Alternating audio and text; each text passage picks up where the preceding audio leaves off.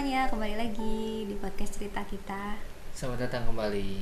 Ya, dan kita buat podcast ini masih keadaan di rumah, Ya lagi PSBB.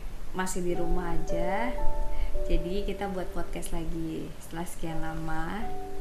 Dan kali ini mengulang, meneruskan ya, Ya meneruskan episode meneruskan. sebelum-sebelumnya. Iya, kali ini bahas tentang trimester Satu. Satu dan kedua gabung. Nanti kalau sempat sekalian yang kedua. Kalau Ya. enggak nanti kita bagi ke satu atau dua ya. Pokoknya Ya, lihat aja nanti ngobrolnya. Ya, jadi Gimana? kan kemarin tuh sempat aku udah sempet share di Instagram barang-barang apa aja yang dibeli Oke. kayak gitu. Nah mungkin kalau misalnya di podcast ini lebih ke kayak keluhannya apa aja sih di trimester 1 terus habis itu cara ngatasinnya gimana gitu Keluhannya dari pas awal apa setelah periksa. dari awal pas periksa ya dari awal trimester 1 kan tuh dari 1 sampai 12 minggu kurang lebih itu kan Heeh. Nah, eh, awal it- awal ketahuan hamil kan di minggu kelima. Kita cek kan minggu kelima. Nah, Iya. untuk tanda-tanda kehamilan itu bisa dicek di episode sebelumnya. Karena untuk keluhan itu keluhan di trimester 1 sama kayak di tanda-tanda kehamilan kayak nyeri, perubahan tubuh kayak gitu. Tapi lebih berasa setelah cek. Iya, tapi leb- lebih lebih menyadari, lebih menyadari kali oh iya ternyata benar sih ada perubahan kayak gitu. Hmm. Karena tanda-tanda kehamilan itu kan hampir sama kayak haid ya. Yang nyeri terus habis itu eh, paling lebih lebih kelihatan tuh kayak mudah capek sama ngantuk. Hmm. Siang-siang tuh ngantuk, kenapa ngantuk gitu. Nah, masuk ke keluhannya. Oh. Yang pertama biasanya para ibu-ibu hamil setelah ngecek itu langsung dia mual muntah. Oh, morning sickness. Iya, morning sickness. Tapi Jadi nggak pagi doang itu kadang-kadang Iya. ada di siang, sore, malam ya juga. itu beda-beda. Nah, kalau aku kebetulan itu setiap jam jam sembilanan terus habis itu Oh. kadang malam atau habis makan yang eh, terlalu banyak makan at- eh, atau perutnya kosong. jadi mual mualnya lebih sering sih daripada muntahnya kalau muntah tuh lebih ke banyakan makan kayaknya padahal porsinya dikit tapi tetap muntah Iya biasanya kan yang disarankan kalau memang lagi mual gitu makan dibagi porsi-porsi kecil kan. Mm-mm. Cuma lebih sering. Mm-mm. nah mual muntah kan itu lebih sering nah cara ngatesinnya tuh biasanya kan nah untuk trimester satu itu kan aku makannya buah terus kan dari Oh. awal itu pas kita periksa kata dokter oh nggak apa-apa kok nggak usah makan nasi karena setiap makan nasi tuh muntah bukan mual sih Mual. kamu mual kan terus habis itu langsung bingung sampai kamu tuh bingung makannya apaan jadi kita selama itu kita pesan online kan selama Oh. kurang lebih kan trimester satu tuh makannya kita online terus Iya. Jadi milih memang jadi lebih ke eh, jangan dipaksain kalau memang nggak bisa. Terus Mm-mm. pilih menu yang memang kamu tuh lagi pengen makan itu. Mm-mm. Ya jadi bisa dibilang kita milih-milih menu lah Mm-mm. Supaya asupan makanannya tetap masuk. Jadi berat badannya juga tetap ideal sesuai dengan perkembangan janinnya itu. Iya, jadi nggak apa-apa kalaupun teman-teman tuh nggak bisa makan nasi. Iya. Jadi makan buah aja karena Heeh. aku pun juga makan buah kayak alpukat, terus pisang, pisang, tapi harus diselang-seling sih. Nah, untuk ngatasin mual sama muntahnya, ini biasanya kalau pagi sebelum makan makanan yang berat itu makan quaker dulu. Jadi snack yang kecil-kecil. Ah, enggak quaker Oh, yang- biskuit. biskuit. Oh, pokoknya yang biskuit. yang eh, netral rasanya.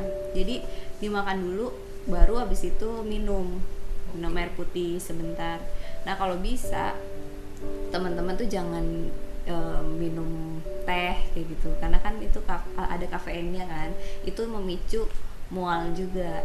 Hmm, kan sempat aku buat ini apa eh, air jahe ya. itu ngaruh juga sih cuman nggak terlalu kalau ngefek di aku nggak nggak terlalu baik tapi itu membantu rebusan jahe. Mm-mm, rebusan jahe tapi yang pa- yang pasti setiap teman-teman udah bangun nih pagi-pagi kalau bisa langsung diisi karena eh, Jangan sampai kalau kosong banget gitu. iya jangan sampai kosong terus kalau aku nih sampai sekarang ngerasain kalau mulut ya, bangun tidur nggak ada ini apa rasanya tuh rasa gimana sih rasa rasa rasa orang bangun tidur itu mulutnya hawa hawanya itu tuh bikin mual Hmm. sampai sekarang kan masih mual jadi, Jadi menghidup bau sendiri gitu ya. iya itu tuh masih mual pasti mual sih jadi dimakanin dulu aja dikasih makan snack tapi kalau sekarang aku minum air putih Makanya kayak aku makan tengah malam.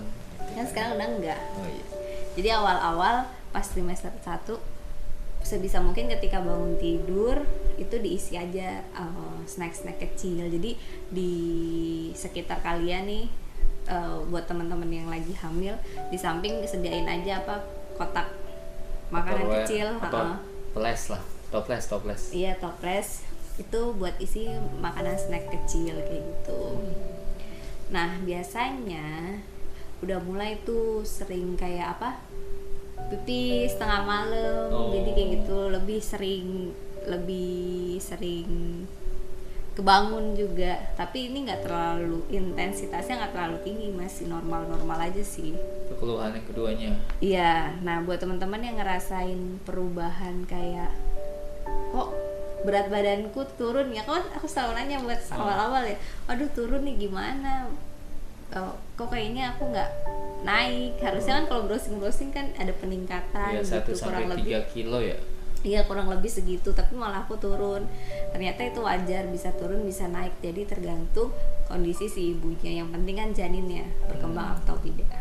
Iya, untungnya juga kalau teman-teman yang punya timbangan sendiri di rumah kan bisa dipantau ya. Mm-mm. Jadi per minggunya naik atau turun gitu kan. Betul. Nah, kita masuk ke barang-barang yang dibeli. Oh iya, Gimana? yang dibutuhin untuk Yang membuat dibutuhin. nyaman trimester satu itu ya. Iya, trimester Apa satu aja yang biasanya sih. Yang pertama itu kan hmm, pasti aku ngerasain dari yang bra extension sih yang paling gampang banget bra extension. Jadi Karena apa bentuk tubuhnya berubah. Iya, kan udah ada perubahan tuh. Jadi ya udah akhirnya pertama beli itu dulu. Hmm. Terus eh, abis itu kita kan sebelum beli vitamin yang Blackmores ini Heeh. kan sempat diresepin sama dokter kan Iya penguat janin dulu. Hmm? Oh penguat janin yang awal itu. Iya penguat janin, cuma nggak jadi kita kan. Iya biasanya kan emang ada beberapa orang yang diresepin itu. Nah kalau aku kebetulan karena kemarin mau pergi, jadi diresepin sama si dokter itu tuh penguat janin kan. Heeh. Kan terus abis itu kita kasih kita tanya si di bagian admin itu si susternya bilang nggak apa-apa kan ini juga belum ada janinnya kalau enggak juga nggak Jadi masalah ya butuh-butuh Mm-mm. banget. Mm. tinggal dilihat lagi ntar dua minggu lagi kontrol dan sebenarnya di situ kita juga sepakat nggak jadi pergi kan cancel jadi ya udahlah istirahat bed rest aja yang penting bed rest aja di rumah Jadinya pakai Blackmore.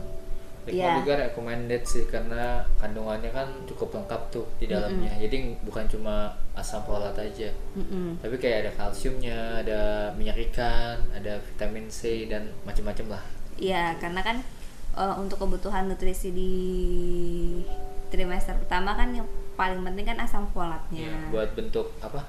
Otak ya? Mm-mm. Sama sumsum tulang belakang. Iya, ada asam folat, protein, vitamin A, kalsium, zat besi, nasi. Blackmores ini udah sebenarnya udah banyak banget di situ. Hmm. Nah, ketika kita dua minggu setelah kita periksa, itu kita harus periksa lagi kan. Heeh. Jadi minggu ke 5, 6, 7 Tujuh. Iya, kurang lebih 7 ke 8 Nah, di dokter yang kedua, dokter yang berbeda ini Si dokter ngasih kita Vitamam. vitamin Ya, vitaminnya itu Vitamam Akhirnya kita kasih tahu dok, sebelumnya kita udah konsumsi Blackmores. Oh ya udah nggak apa-apa, nanti tuh terusin setelah ini habis. Iya. Dan akhirnya sampai sekarang kita minumnya cuma Blackmores aja. Iya, Satu. karena lengkap tadi kan. Terus sempat nyoba itu juga susu Susu, ya Iya. itu pas lagi mual muntah itu yang eh mesis apa? Esensis?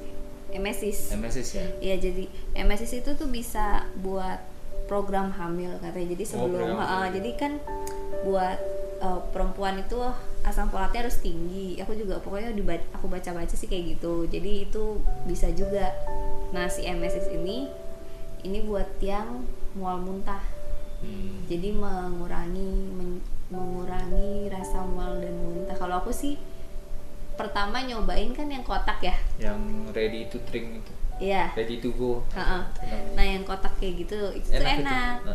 Kamu kan nyobain juga kan? Enak.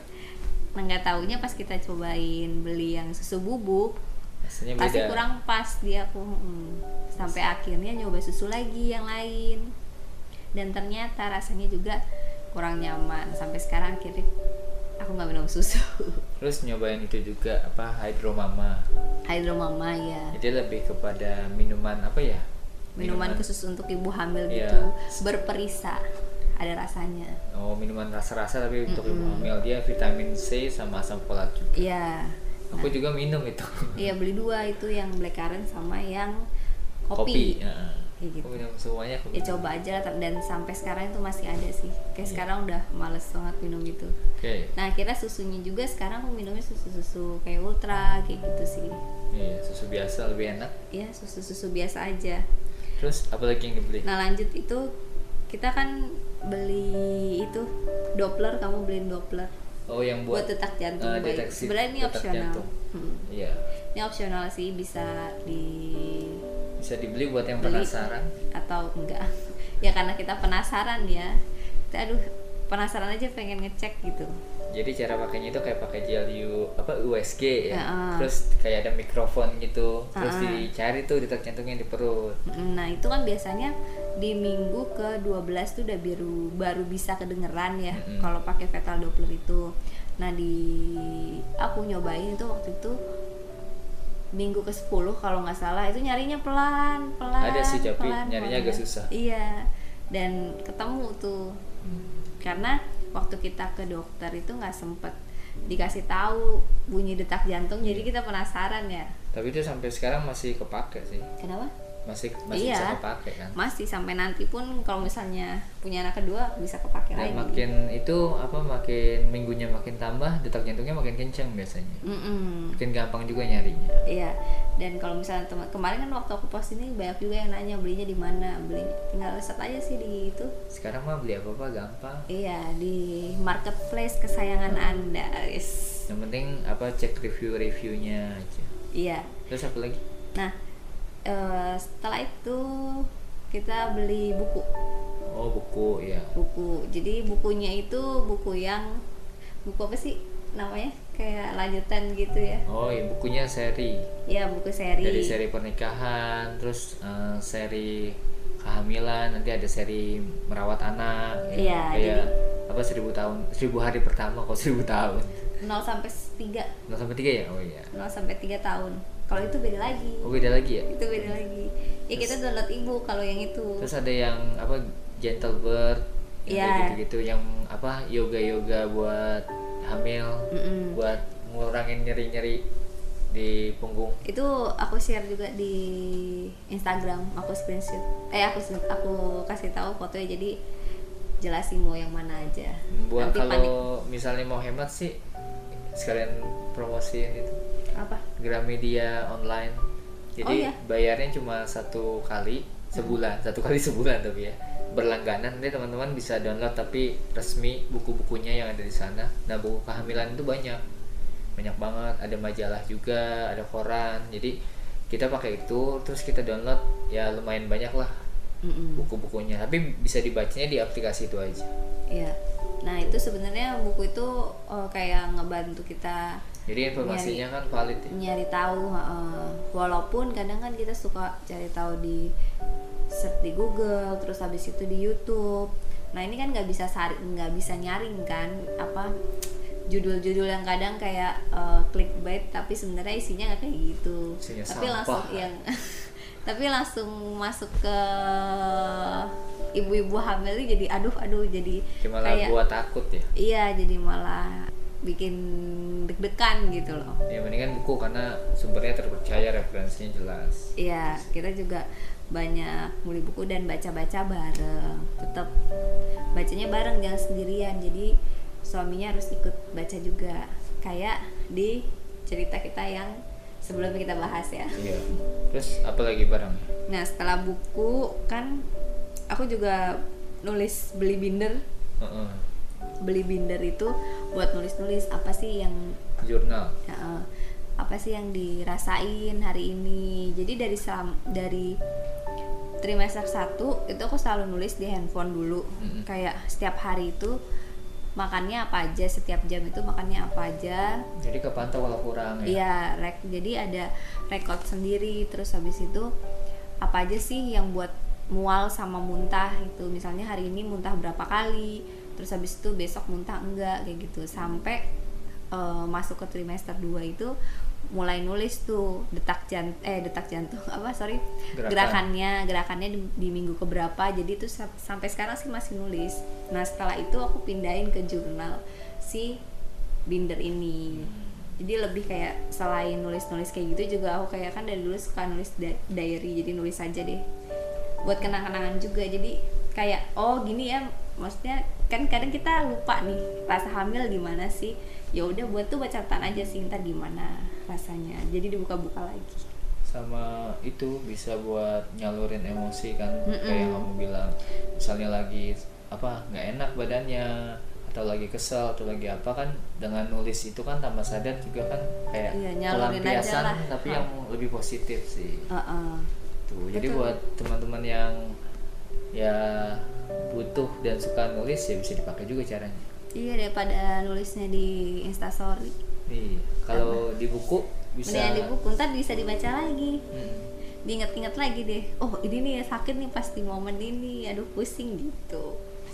Nah setelah buku itu kita beli itu bantal hamil. Oh iya. ini bantal hamil tuh kan belinya pas di trimester 1 jadi kurang lebih ada di minggu berapa ya Ming- minggu akhir trimester 1 sampai awal ya sebenarnya trimester 1 tuh nggak nggak belum terlalu buncit kan perutnya Oh. terus tidur juga masih nyaman nah tapi di trimester 1 nih aku udah ngerasain pegel-pegel nyer- nyeri eh coba aja deh beli itu karena kan katanya bisa buat bantal menyusui juga nantinya Mentalnya enak. Mm-mm, lebih efektif sih di trimester 2 beli itu Heeh, karena kalau kamu nggak pakai aku juga pakai. Bantalnya gede, nanti teman-teman bisa browsing lah. Bantal iyalah hamil. bantal hamil Ya harganya masih worth it lah. Mm-mm. Masih nggak terlalu mahal dan masih bisa karena dipakainya jangka waktunya panjang. Iya katanya sih bisa dipakai bantal menyusui tapi kan karena babynya belum ada jadi kita belum tahu tuh masih bisa dipakai ibunya dulu. Apalagi Nah eh, kemarin sempat ada yang nanya skincare-nya tuh pakai apa aja? Iya waduh. skincare-nya pakai apa aja. Nah sebenarnya kalau skincare aku sih selama ini makanya pas aku cek lagi dan tanya lagi tuh aman-aman aja buat ibu hamil. Yang penting kan ibu hamil tuh nggak boleh retinol sama retinoid. Jadi yang kandungannya anti aging atau kandungannya obat jerawat kayak kandungan obat jerawat gitu. Hmm, Nah tapi di eh, ya aku kurang paham sih itu tapi aku sama sekali nggak paham. Iya. Tapi teman-teman browsing aja atau tanya ke dokternya masing-masing. Oh jadi mungkin perawatan yang boleh sama nggak boleh. Iya, nah produk-produk yang aku pakai semuanya sih masih aman-aman aja sebenarnya. Nah, terus eh, waktu itu kan untuk makanan yang dipantang, Oh. dokter itu tadi belum kita bahas. Makanan yang dipantang tuh cuma nggak boleh makanan mentah doang sih, Sama bakar bakar dihindari kan. dihindari Karena- sih katanya. Karena takut Karena kan mateng total. Iya, itu kan gitu. karena nggak mantap. pasti kan sebelum dibakar itu cuma kayak di apa sih? bisa mentah atau cuma Setengah direbus mateng. eh, setengah mateng takutnya pas dibakar itu masih setengah mateng juga Sama kalau buah juga nggak boleh buah yang belum matang. Mm-mm, buah paling Apalagi buah busuk. Ya itu nggak ada yang mau makan. Itu. paling itu aja sih kayak oh aman-aman aja sih sekarang ini. Di trimester 1 makanannya nggak ada yang bener-bener nggak boleh. Paling kayak sushi kita hindari dulu itu doang sih. Sama itu bio oil kamu pakai? oh itu ya itu sih katanya buat stretch mark sampai sekarang sih aku ngerasain kayak gimana ya dipakainya di paha sih. Hmm. ngaruhnya sih katanya dia kalau udah mulai meregang tuh dipakein terus-terusan bukan luka yang Ya aku di aku nggak ngefek bio. Iya luka kamu udah luka yang ber belasan tahun. Iya. itu. Apa katanya kan bisa buat bekas luka aku pakai kok nggak ngaruh nggak ngaruh sampai bisa udah itu. sekarang mau habis ya udahlah gitu. Sama aku download aplikasi pregnancy sama teman Bumil itu. Nah di situ kan ada kayak kita nge-record berat tubuh berapa setiap terus ada bulannya. bentuk-bentuknya Iya, ada bentuk-bentuk bayinya per minggu itu misalnya janinnya udah perkembangannya kayak gimana. segede apa gitu kan Hmm. itu bisa dipantau Iya, nah di situ tuh udah lengkap banget. Jadi setiap periksa pasti ditulis tekan darah, tekanan darahnya berapa, berat badannya bulan ini naiknya berapa kilo. Ya, tapi harus rajin-rajin berarti dimasukin datanya Iya, harus rajin. Jadi kan biar enak gitu kalau misalnya kita pergi lagi keluar lagi bukunya nggak ada di dekat kita, kita bisa Heeh. lihat langsung dari Di handphone. aplikasi, Nah, heeh. nah, nanti yang di pregnancy plus itu katanya sih ada ada buat ngatur kontraksi. oh Jadi ada aplikasi tinggal dipencet, pencet, pencet gitu. Tapi kan eh, kita belum masuk ke situ. Heeh. Katanya sih bisa ntar dipakai itu. Jadi dilihat durasinya berapa menit. hmm. Nah, sekarang kita masuk ke trimester 2. Hmm. Jadi, keluhan apa aja yang udah mulai kerasa di trimester 2 kita obrolin aja langsung gimana. apa aja keluhannya Eh, keluhannya itu kan karena perut yang pasti udah mulai udah besar Iya, udah mulai membuncit dan mulai kelihatan kalau ternyata hamil beneran. postur tubuh jadi berubah kan Iya, postur tubuhnya jadi berubah, berat badan juga jadi berubah. Heeh. udah mulai bertambah terus nyeri-nyeri punggung itu mulai berasa lagi Hmm. punggung pinggul terus udah mulai agak sedikit sesek kayak apa tulang-tulangnya ketarik mungkin rasanya gitu kali ya Iya, atau pegal-pegal gitu ah benar-benar karena ini apa rahimnya kan membesar terus Heeh. habis itu jadi eh, butuh rongga lagi jadi apa tulang-tulang Heeh. kita tuh jadi lebih kerasa nyeri aja Hmm. pinggul apalagi sekitar itu Iya. punggung nah itu ngatasinnya sih kalau biar nggak nyeri kan sering baca yang prenatal yoga itu ya. Heeh, prenatal juga senam aja senam senam prenatal Hmm. kayak gitu. Ya, banyak itu sih. Enak aku juga coba kan. Iya banyak banyak tutorialnya sih. Nah. Di video-video juga sebenarnya ada. Cuma Mm-mm. kalau lebih efektif lagi kalau misalnya nonton tutorial sambil baca bukunya. Mm-mm. soalnya ada keterangan-keterangan gitu kan. Mm, jadi cari tahu cari tahu lagi juga kita udah masuk minggu berapa nih boleh nggak terus kalau ada beberapa gerakan-gerakan yang susah terus mungkin dilakuinnya kan karena kita kan ngelakuin sendiri ya Mm-mm. ya mendingan sih cari gerakan-gerakan yang lebih mudah sih Mm-mm. gitu soalnya kan ada yang posturnya sampai terbalik gitu kan. Iya, yang pas eh, kalau lagi mau senam kayak gitu minta tolong bantu suaminya juga boleh. Jadi jangan sungkan-sungkan. itu enak sih buat apa yang Merenggangkan tulang belakang Uh-uh. gitu heeh. otot-otot tulang belakang kayak Itu gitu bisa udah mulai sih. Dan cara kita duduk Ngaruh habis juga itu ya? iya duduk, berdiri itu harus diperhatikan juga. Katanya sih ngaruh ngaruh juga tuh. Nah dokter bilang juga kan ke aku waktu ter- terakhir periksa itu, ya jangan terlalu banyak duduk. "Mm-mm." terus jangan terlalu banyak diri juga. Iya karena eh, itu yang menyebabkan kaki itu kelelahan dan jadi bengkak gitu secara nggak sadar. Nah waktu itu kan aku tanganku ya agak bengkak ya. Kenapa terus gatel, nggak taunya itu mungkin karena kecapean baru ngeh ketika kaki kayak gitu oh iya berarti nih kalau udah kecapean harus direhat dulu jangan terlalu lama duduk sama berdiri jadi harus seimbang terus kamu kan kalau ngerjain sesuatu kan kadang-kadang dibablasin tuh hmm. misalnya ap- apa ambil masak terus habis itu aktivitas rumah yang lainnya kan pokoknya langsungin nah itu kadang-kadang juga kan bikin capek Mm-mm. bikin langsung kayak ngedrop Mm-mm. nah mungkin lebih efektif lagi kalau misalnya dikasih jeda istirahat dulu Iya, benar-benar. Nah itu kadang buat aku malah jadi tiba-tiba langsung mulai kambuh lagi nih kelingan kayak gitu. Suka kadang suka lupa sih udah ngerasa enakan nih kita nih. Nggak taunya emang di dalamnya tuh si babynya mungkin ngerasa capek kali ya berdiri mulu apa gimana. Jadi langsung ke bawah. ih pusing nih gitu ini tekanan darah juga berubah kan nih Mm-mm, benar-benar lebih apa lebih naik kalau lebih salah tinggi ya, Ah. lebih enggak lebih tinggi sih tapi lebih eh, Meningkat agak lah meningkat ah, meningkat sedikit dari yang biasanya nah Ya kan? kebetulan aku masih normal sih Mm-mm, karena kan sebelumnya kamu rendah Nah, ah, jadi masih 120 kemarin masih normal-normal aja dan masih aman. Dan biasanya udah mulai ngerasain mudah lelah, ngos-ngosan kayak gitu. Sebenarnya ada beberapa orang yang aku cari tahu itu tuh mereka baru masuk di trimester 3. Nah, tapi aku di trimester dua udah berasa dua akhir ya udah mulai ngerasa kayak aduh kayak cepet ngos-ngosan gitu terus nyeri-nyeri di rongga dada di nyeri-nyeri di Hmm. itu itu udah mulai berasa itunya nah kan gerakan juga udah mulai berasa ya Iya. itu rasanya luar biasa kayak Jadi- di sikut iya jadi ya emang gimana ya seneng cuman rasanya tuh aduh gitu. Gemes-gemes nyeri-nyeri gimana gitu. Ada- tapi ya nikmatin prosesnya. lah Mm-mm. ya nikmatin aja. Terus apa lagi? Kalau di trimester 2 sih paling keluhannya itu aja sih sering pipis juga kan di tengah Oh. malam. Tipsnya paling jangan terlalu banyak minum di menjelang malam tidur hari ha, menjelang tidur di malam hari jadi minumnya sedikit sedikit aja karena kan bahaya juga tuh kalau ibu hamil malam-malam bolak-balik ke kamar mandi Hmm. takutnya kan kenapa-napa Mm-mm.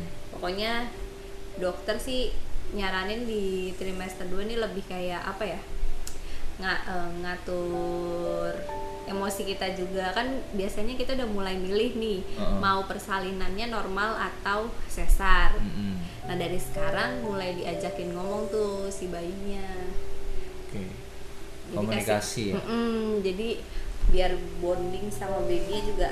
Dengerin kan eh, kita suka ngobrol ya. Heeh. karena bayinya udah mulai bisa dengerin mulai suara aktif ngerespon kalau misalnya kita ngomong apa. Mm-mm.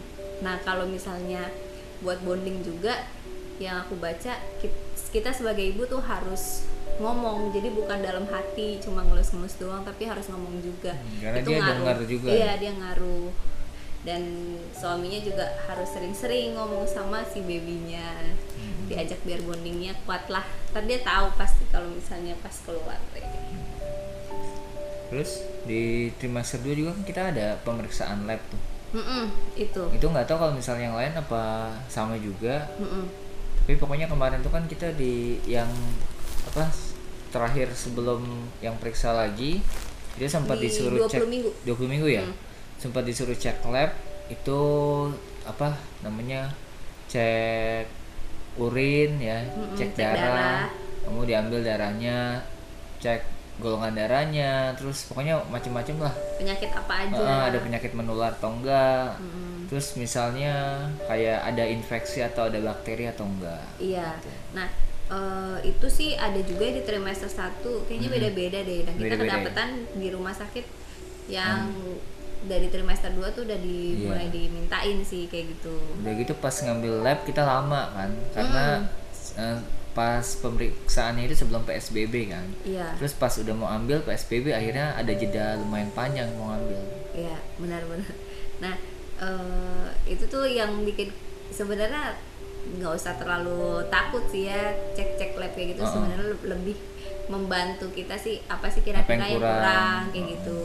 Dan ya untungnya dokter kita tuh nyampeinnya enak sih. Emang Iya, nggak ada apa-apa aja nggak apa-apa ini biasa walaupun ada bakteri juga nggak apa-apa. Ini Iya, mah normal-normal aja. Terus tekanan darah kurang-kurang dikit Iya. normal segala macam Padahal kitanya udah panik tapi dokternya udah nyantai ya udahlah percaya aja karena kan dokter gitu dia yang udah tahu rekornya aku kan Heeh.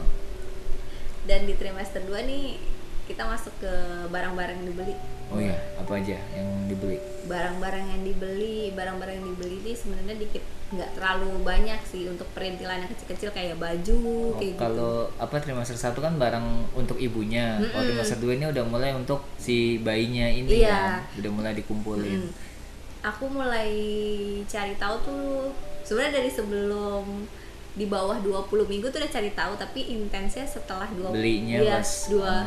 20 minggu tuh udah cari udah wishlist nih belinya apa-apa aja nah paling nanti aku mau share untuk yang barang-barang kecil kayak bajunya itu berapa ya lebih detail nantilah di trimester 3 jadi setelah Oke. latih setelah dia lahir aja. Terus barang apa yang ternyata dipakai atau nggak dipakai Ha-ha, kan? yang kecil-kecil ntar dikasih tahu. Heeh. yang penting kan kayak bajunya kita juga beli peralatan yang besar sih.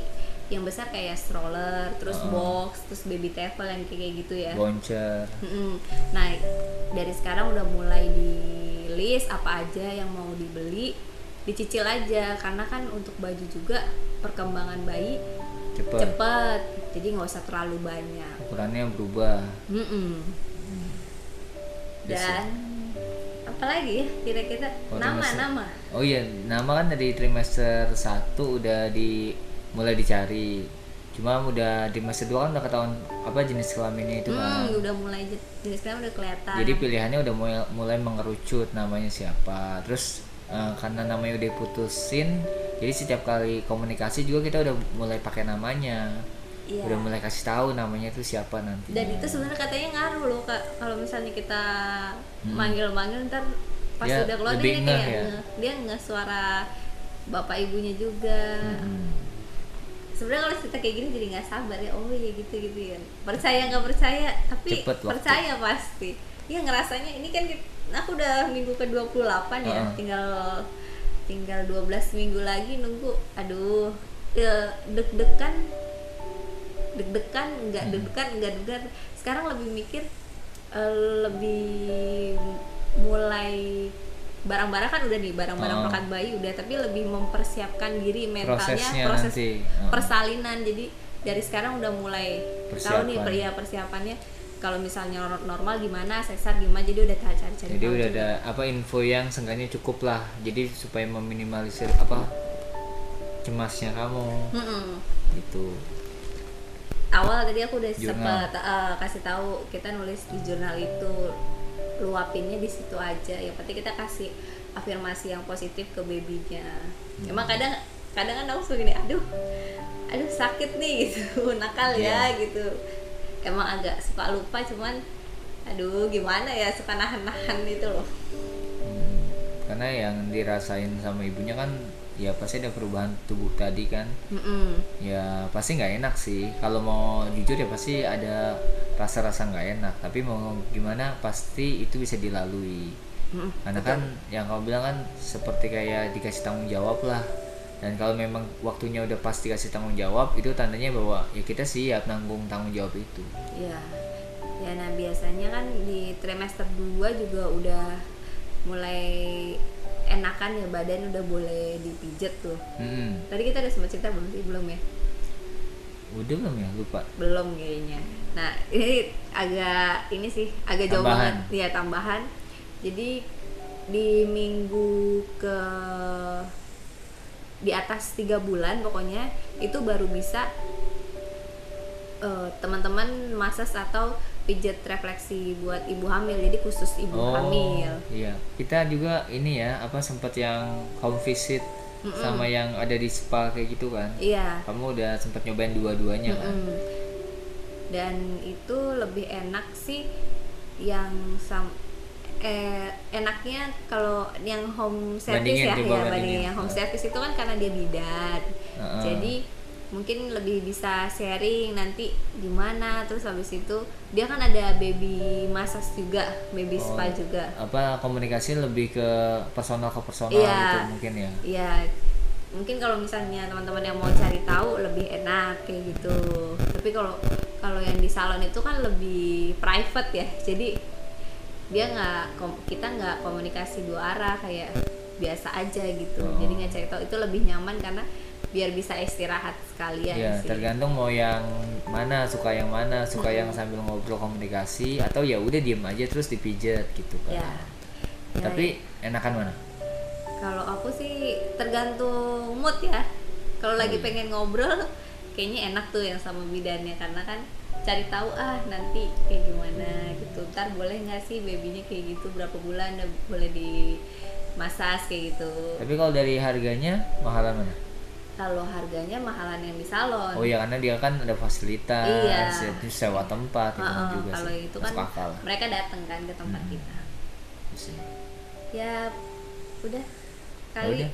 eh, itu aja yang sedikit share pengalaman kami di trimester 1 sama 2 ya nanti yang selebihnya akan dibuatkan lagi podcastnya kalau misalnya kita udah ngelaluin trimester 3 nya mm-mm. paling di trimester 3 nanti ketika babynya udah lahiran Hmm. jadi sekalian kasih tahu apa aja yang dibawa ketika ke rumah sakit karena kalau misalnya mau kasih tahu barang yang dibeli beli ini ini ini Hmm. Tapi kita belum ngalamin iya juga. walaupun emang sih persiapan tapi biar tahu aja oh kira-kira yang benar-benar dibutuhin tuh ini ini ini gitu Hmm, tapi emang sih setiap orang kan prosesnya beda-beda Mm-mm. kita cuma kasih tahu apa yang kita lalui prosesnya iya supaya ada gambaran lah yang nanti mau ngelaluinnya Ya rencana sih aku mau share kayak yang aku beli sih ini ini aja. Cuman nanti nggak tahu yang dipakai ketika Iya. itu apa aja. kan Kurang bisa lebih jadi pertimbangan segitu. juga kan buat yang Betul. lain Mm-mm. Oke sekian podcast kita kali ini. main panjang Ya lumayan selamat menikmati proses kehamilan di trimester 1 dan 2 dan Mm-mm. semoga lancar sampai nanti persalinan buat teman-teman yang lagi hamil Iya. dan semoga suaminya juga mendampingi Hmm. dengan sangat-sangat suportif. Hmm. oke Teman, itu aja sih sampai ketemu lagi di podcast berikutnya baik. Terima kasih, bye. Dah.